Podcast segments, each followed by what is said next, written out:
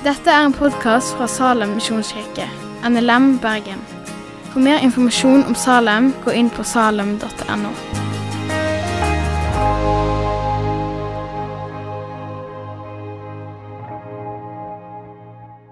Nå har vi på en måte brukt flere måneder på å gå gjennom Galaterne. og Nå er det det siste og sjette kapittel som gjelder.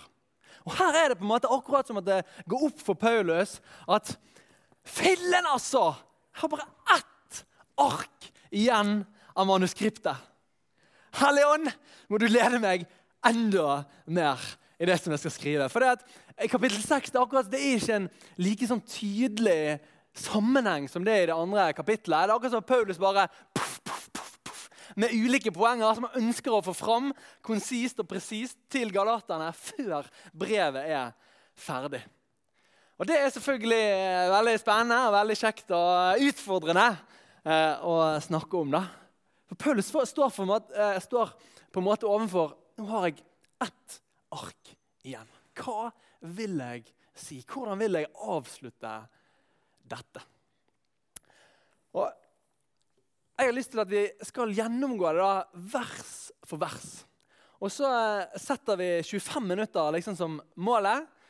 Og Hvis vi da for eksempel, eh, bare kommer til vers 7, hvis vi liksom koser oss med vers for vers, og så kommer vi bare til vers 7, så lar vi det på en måte være det som taler til oss. Og Så har jeg lyst til å bruke på en måte de siste to-tre minuttene på å oppsummere galaterne. Så er vi klar for det? Ja, så bra, da. Eh, og Merk dere én ting i det vi begynner. Da. Vi kan egentlig få bibelverset opp. Eh, at Paulus begynner dette sjette kapittelet med 'mine søsken', eller 'brødre'.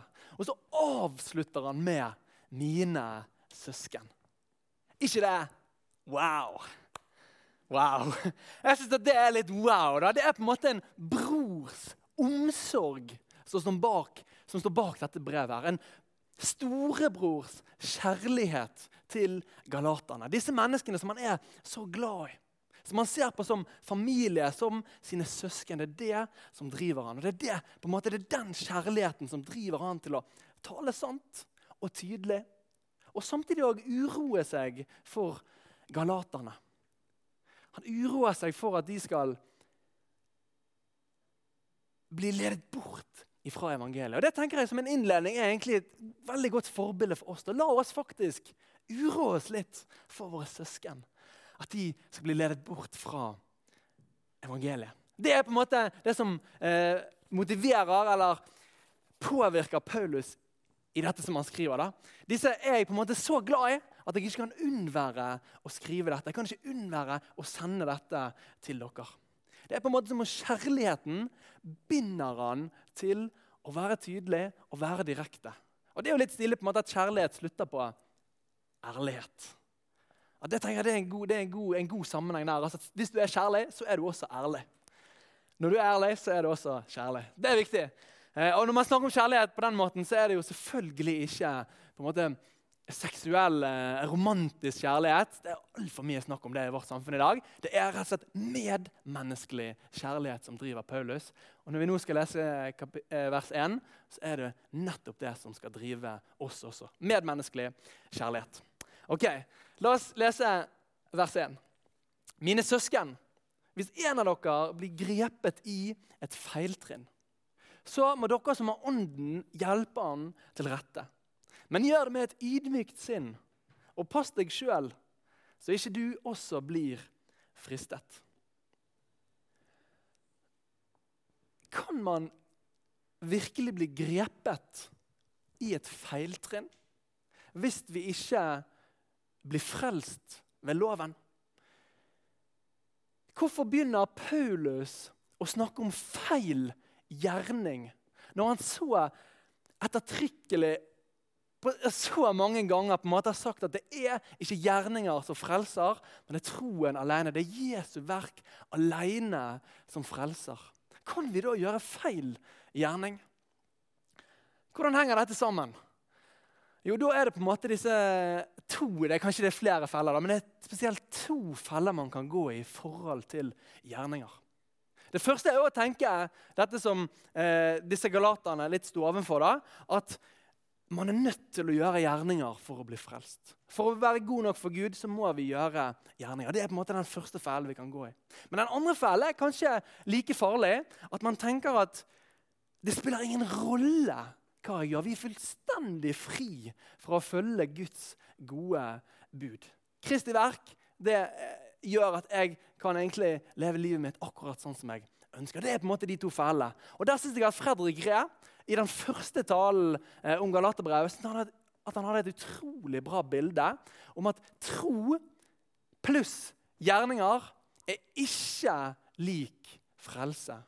Men at tro er lik frelse pluss gode gjerninger. Altså troen gir frelse og gode gjerninger. Altså Med troen på en måte at vi tar imot Jesu verk og blir frelst, så kommer også Ånden og tar bolig i oss. Og med Ånden, som vi hørte Lydia snakke om sist gang, i kapittel 5 i Galaterne, så kommer de gode fruktene ut av vårt liv. Da. At Ånden lever gjennom oss og gir oss en vilje om det å leve i etterfølgelse av Jesus og leve i tråd med Guds ord. Og dette synes jeg liksom, de av, de av oss som liksom er litt fan av Martin Luther da, eh, Vi studerer veldig mye Martin eh, i teologien. Han har skrevet utrolig bra om dette. her. Les Martin Luther om de gode gjerningene. Fantastisk, fantastisk bra. Martin er jo veldig kjent for å snakke om nåden alene. Eh, men så har han et så fantastisk perspektiv på hvordan de gode gjerningene hører sammen med eh, troen. da. At troen er på en måte det som bærer ut, eller bringer, eller skaper de gode gjerningene. Så Hvis du har, vil ha en sånn leseliste i jul, så les Martin Luther om de gode gjerningene. Eller eh, om det kristne menneskets frihet. Det er Altfor få av oss har lest eh, Martin Luther sine verker, men han, han skriver utrolig bra. Virkelig, virkelig verdt eh, å lese. Ok, men I lag med dette her, i lag med på en måte at Ånden tar bolig i oss, og det skjer noe med oss som kristne, så må vi alle sammen Eller jeg kan kanskje bare snakke for meg sjøl, men vi må alle på en måte kjempe en kamp mot synden. En lyst eh, må vi kjempe imot. Og når man faller i synd Og det tror jeg at vi alle skal tenke at vi faller i synd. Det tror jeg i hvert fall de aller fleste av oss gjør. Jeg er overbevist om det. Og så går det også an å leve i synd. Når man faller i synd eller lever i synd, så skal man ikke som kristen bror eller kristen søster ignorere det. Eller på en måte si at det er helt i orden at du gjør det. Men da skal man i ydmykhet, kjærlighet, visdom og ikke minst ydmykhet Jeg tror jeg sa det to ganger, og det er viktig. Oppmuntre og tale til rette sin bror eller søster til å vandre på Jesu vei. Vi snakker veldig mye om at ikke vi ikke skal fordømme hverandre. Det, det, det, skal vi ikke. Men vi skal faktisk tale til rette. da. Med visdom og i kjærlighet. Og Det tror jeg er viktig å si. Og så er det enda viktigere å si dette med fordømmelse igjen. For hva, hva gjør vi med en, en, en skadet soldat? Hvis det er en skadet soldat som på en måte har skadet seg, ligger nede ja, Vi skyter han i hvert fall ikke. Det må være liksom sånn, det rådet fra meg i dag. det er Ikke skyt en skadet soldat. Så Vi hjelper han opp. Vi er der for han. Og venner, ikke skyt en skadet soldat. Ikke skyt en kristen bror eller søster som har falt i synd. Ikke la den få kjenne at den blir fordømt eller kastet ut av det kristne fellesskapet. For det er nettopp når man er en skadet soldat, det er nettopp da man trenger. Det er nettopp da man trenger at noen er der for en. Jeg husker en kristen jente som jeg kjenner. Hun eh, ble gravid. Og eh, hennes kristne venner sa bak hennes rygg noe sånn som at For en hykler hun er. Hun har alltid liksom snakket om at man skal vente til ekteskap. og så se, se på henne. Jeg bare merket jeg ble så, jeg turte ikke å si noe. da. Det var egentlig veldig dumt ikke gjorde, men jeg merket jeg ble så sint på en måte på innsiden. Og, og lei meg at man kunne ha en så kald og hatsk eh, holdning til en i fellesskapet sitt.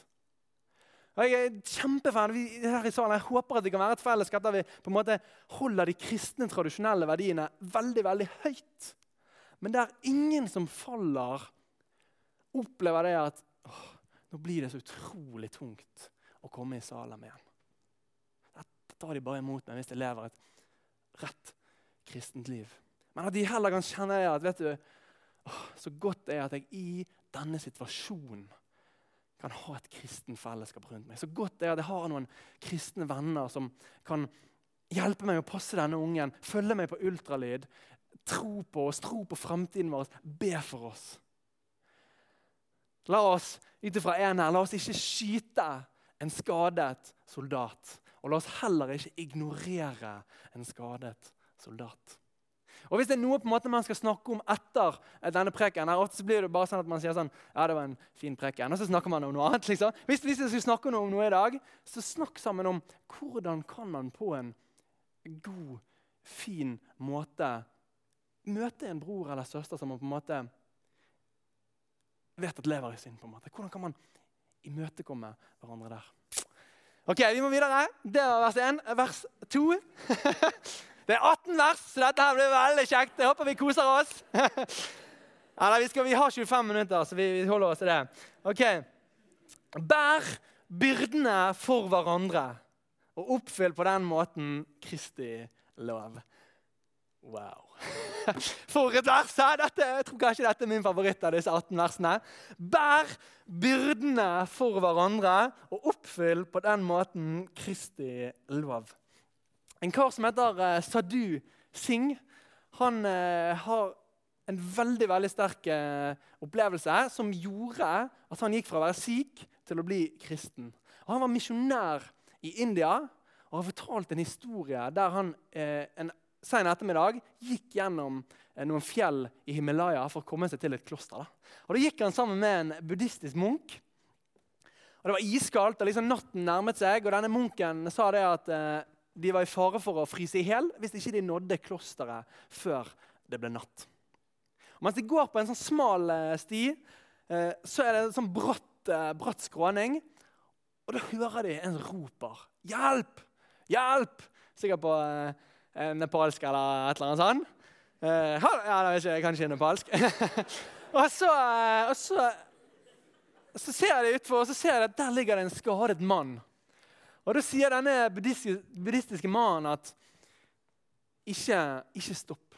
Gud har brakt denne mannen til sin skjebne. Han må finne ut av han sjøl. Vi må gå videre, så ikke vi havner i den samme eh, situasjonen. Mens Sadu sier noe sånn som at Jesus har brakt meg og plassert meg i denne situasjonen for å hjelpe denne mannen. Jeg kan ikke jeg gå ifra han. Så denne munken går videre, mens du klatrer ned. Mannen har knokket foten, så han bruker teppet sitt til å binde han på ryggen. og Så kjemper han seg opp igjen på stien og går så videre mot klosteret. Og etter en lang lang vandring så ser han dette klosteret med lysene.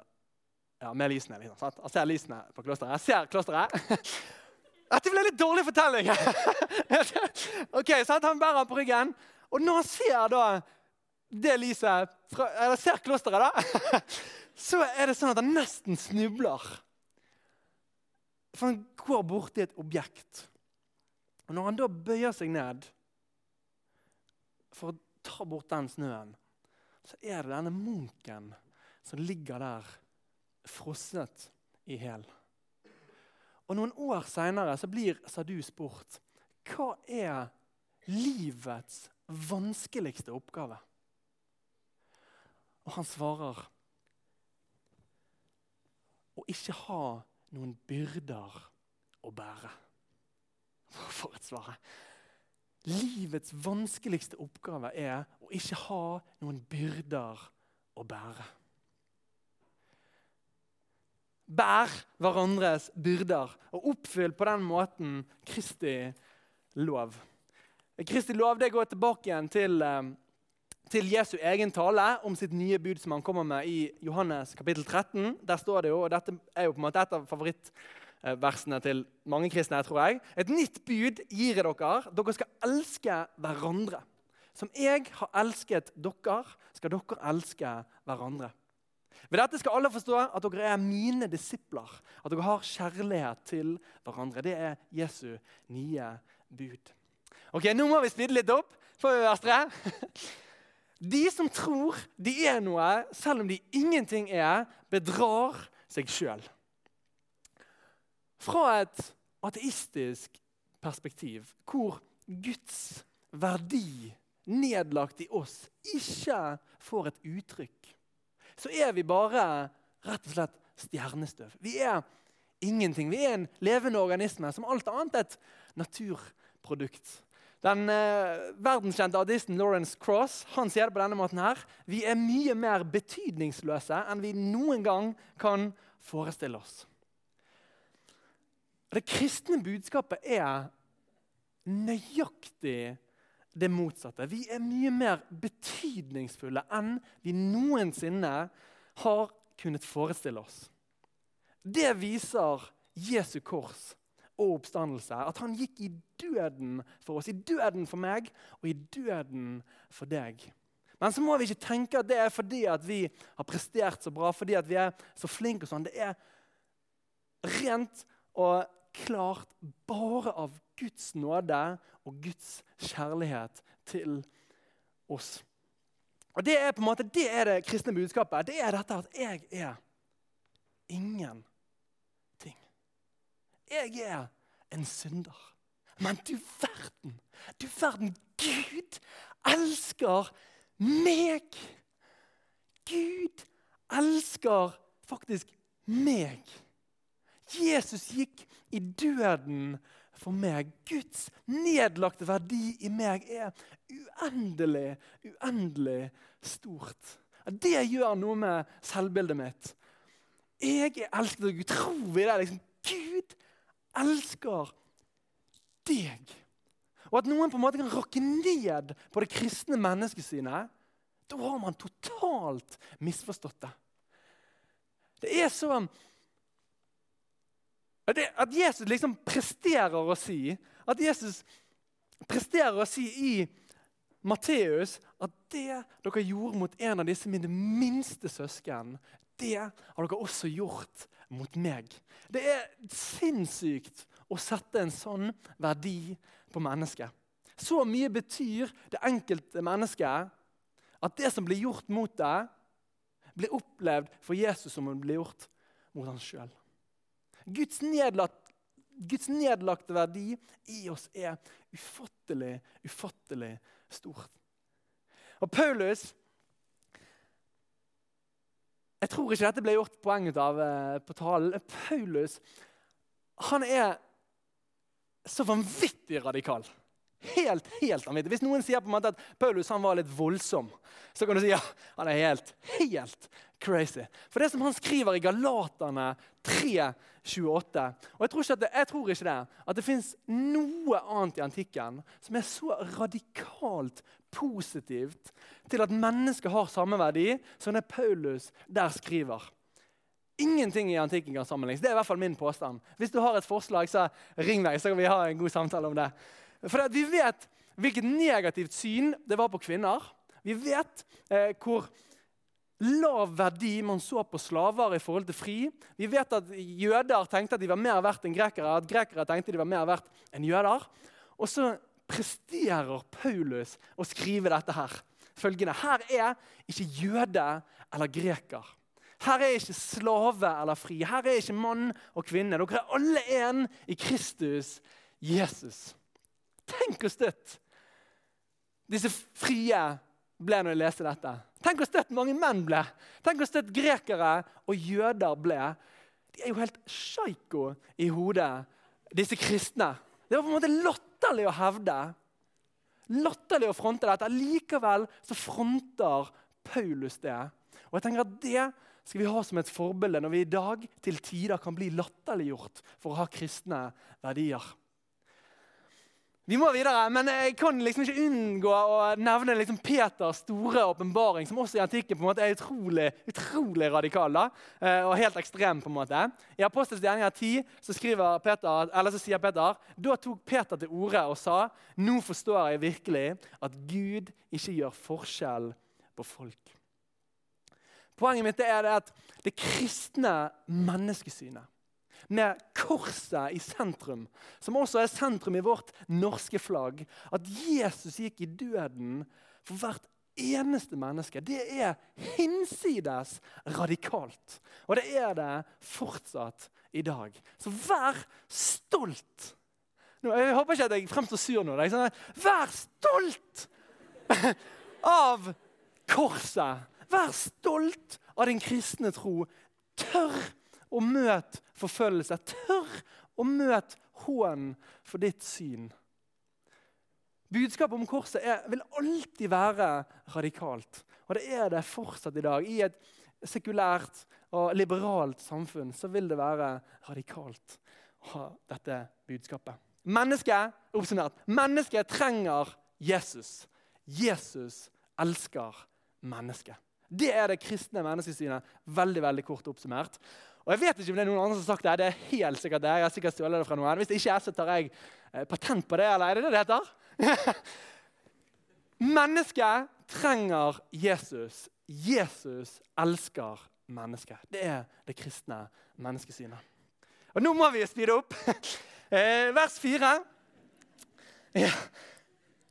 Hver og en skal bedømme det han sjøl har gjort, og få ros for sin egen innsats, ikke for det andre har gjort. For hver og en skal bære sin egen bør. Her er det mye, eller litt i hvert fall, jeg har lyst til å si. Men Summert opp da, så må vi alle stå ansvarlig for vårt eget liv. Vi må stå ansvarlig for vårt eget valg. Seks. Den som får opplæring i ordet, skal dele alt godt med sin lærer. Og Her òg er det på en måte mye jeg har lyst til å si. Eh, at vi på en måte som fellesskap har respekt og beundring for vår pastor, vår eh, bibellærer, vår kristne leder, det er, det, det er på sin plass. Det er fint, og det er bra. Og så kunne jeg bare ønske Jeg kunne bare ønske at det var flere av oss som ønsket å ha en sånn tjeneste. At det var flere av oss som på en måte kjente det at det å ha dette som en fulltidstjeneste, det er et kall, eller det er tiltrekkende. Jeg kunne ønske at det var flere av oss som kjente på det. da. For jeg tror at nettopp her inne i dette rommet er det utrolig mange som kunne gjort en kjempe, kjempeflott tjeneste i en fulltidstjeneste. Eh, Dessverre så er det altfor få i dag i Norge som tar en sånn type utdannelse. Og Spesielt innenfor presteyrket og sånn, så kommer det veldig veldig snart til å bli en skikkelig skikkelig krise i Den norske kirken. Det er altfor få som utdanner seg til det. Og jeg tror at Man også vil se gjerne det samme i forhold til pastorare og eh, ungdomsarbeidere og kateketer. og sånne ting. De trenger folk som går inn i fulltidstjeneste. Så vurder det! Og Hvis ikke du vurderer det, liksom, hvis du allerede har tatt en, liksom, en solid avgjørelse på det, så snakker vi i alle fall varmt om det prøv å liksom, ja, oppfordre folk til å ta eh, fulltidstjeneste. Eh, I hvert fall hvis de er brennende for Jesus. Da er det sykt viktig. Eller det er på en måte selvfølgelig da. Men jeg tror liksom at veldig mange kjenner på det at å, jeg vet ikke om jeg er brennende nok. Og sånn. Og så på en måte er det nettopp kanskje det som er beviset på at de er brennende nok. For de kjenner at du, dette er en utrolig utrolig viktig rolle. Jeg vet ikke om Gud kan bruke meg til det. Nettopp da tror jeg at yes, kjør på. Du har den rette innstillingen. Come on. ok, Men det er ikke det dette bibelen handler om. Eh, kanskje nå da, til liksom alle som jobber i Salem-staben. Eh, Kristian, og Gjermund, David, Andreas, eh, Kristin, Runar, Jon Amador og Jorunn Marie. Liksom hele gjengen vi, som liksom gjør at vi har et så flott fellesskap. Hvor vi får høre ordet, gå til nattverd. Det er liksom det jeg har gledet meg mest til i dag. det er så fint, Og lovsynge Gud. Kanskje vi gir dem en 15 sekunder. Skikkelig klapp for den jobben som de gjør. Må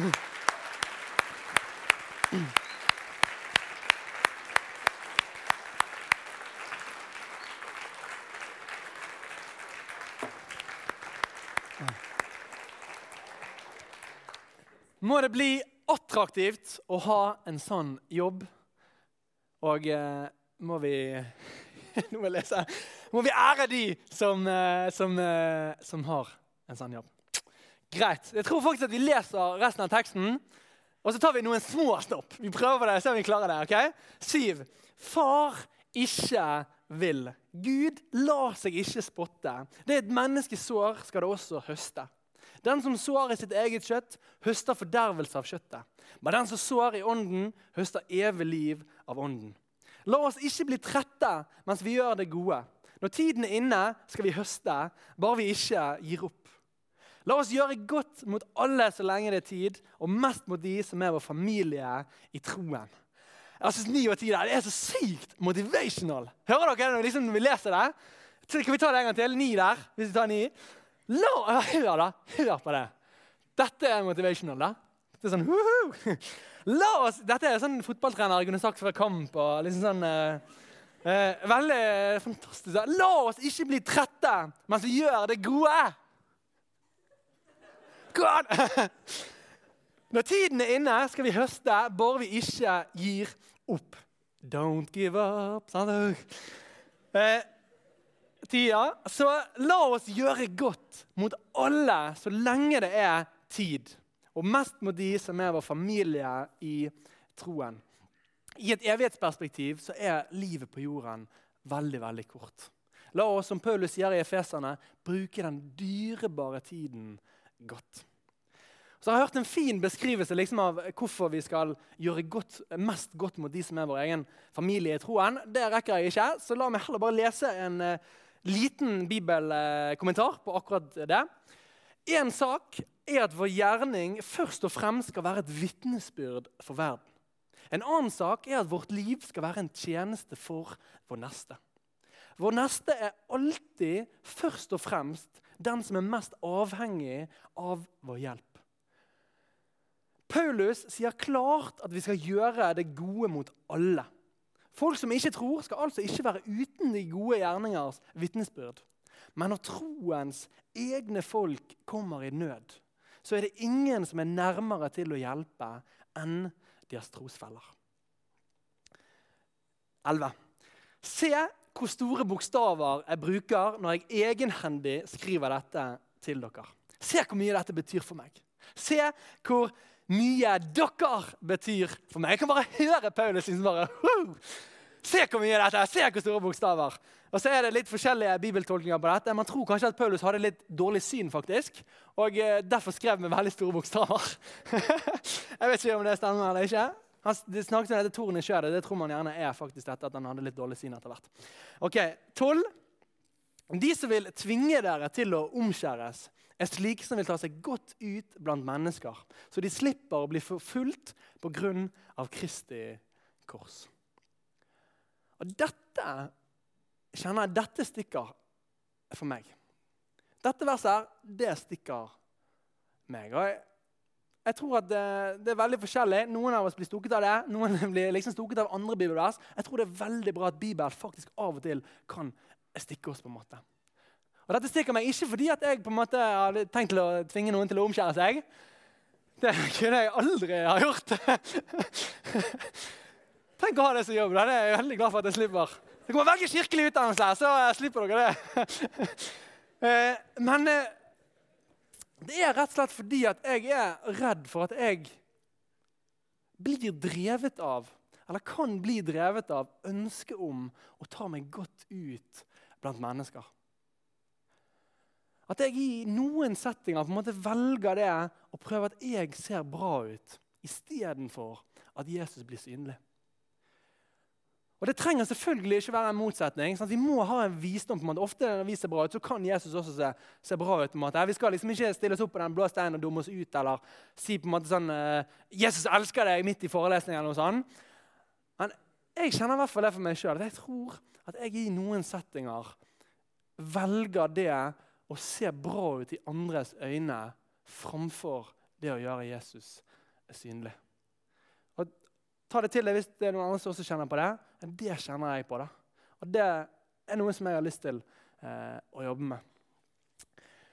De som vil og det, jeg bare tror også, jeg tror liksom, vi går ikke videre helt ennå.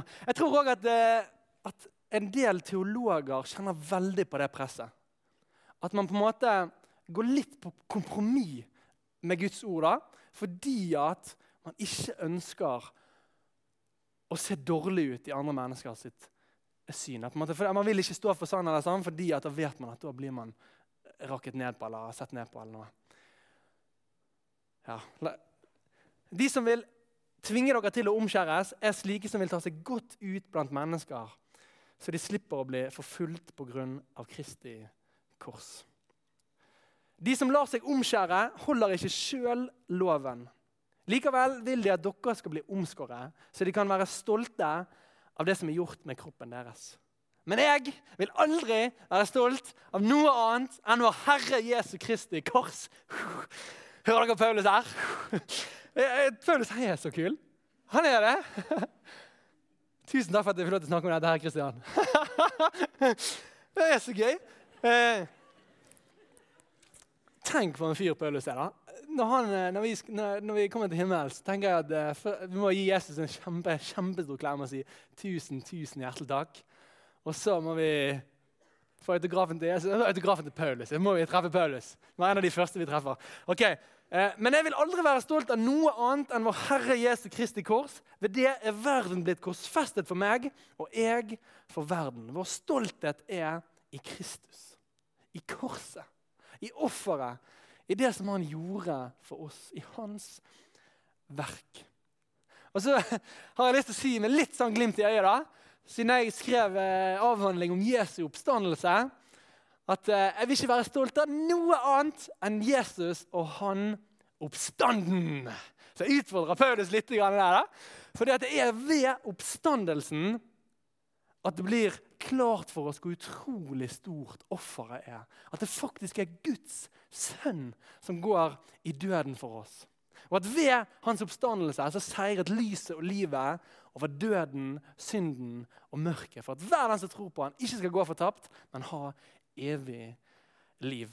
Og Dette vil jeg ikke si at Paulus er uenig i. Han skriver jo i, i 1. Korinterne at um, om Jesus ikke har oppstått, så er vårt budskap Thomas, det, det, henger på oppstandelsen. Men han har sin stolthet i Jesu verk. Og det tenker jeg at vi også skal ha. Vi skal ha vår stolthet i det som Jesus har gjort for oss. I korset. 15. Og her kommer det som kanskje er eller som En del bibelkommentarer hevder liksom at dette er nøkkelverset. Dette er på en måte hele Galaterbrevet oppsummert i ett vers. For det som betyr noe, er ikke å være uomskåret Nei, unnskyld. Det som betyr noe, er ikke å være omskåret eller uomskåret, men å være en ny skapning. Tro gir frelse og gode gjerninger, altså god frukt. Vi blir en ny skapning. Her går på en måte Paulus til rette både mot tanken om at eh, eh, gjerninger frelser oss, og på tanken om at gjerninger har ikke noe eh, betydning, fordi vi er uansett eh, frelst. Troen gir frelse og god frukt. Vi blir en ny skapning. 16. Alle som følger denne rettesnoren, fred og barmhjertighet være med de og med Guds Israel. Heretter må ingen plage meg mer, for jeg bærer Jesu merker på kroppen min. Det er tydelig at Paulus lar seg bekymre. Eller i hvert fall urolige. Da kanskje vi heller skal bruke det ordet, For Jesus sier jo det at vi skal ikke være bekymret. Men jeg tror ikke at det betyr at ikke vi skal være urolige for de vi er glad i, de vi bryr oss om, våre medmennesker. Altså, det er tydelig at Paulus måte, er urolig for galaterne. Eh, og han håper på en måte at med dette brevet så vil ting roe seg. Da vil jeg kanskje finne fred.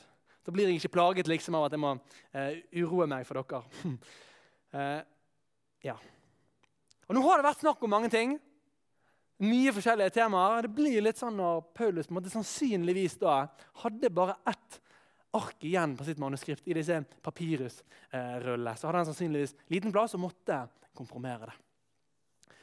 Så Hvis jeg da skal få eh, liksom, sammenfatte Galaterbrevet, så vil jeg si at det er et omsorgsbrev skrevet til rettledning eh, og etterfølgelse av Jesus.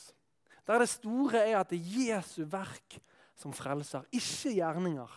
Men at ved denne frelsende tro så kan vi forvente et liv i ånd.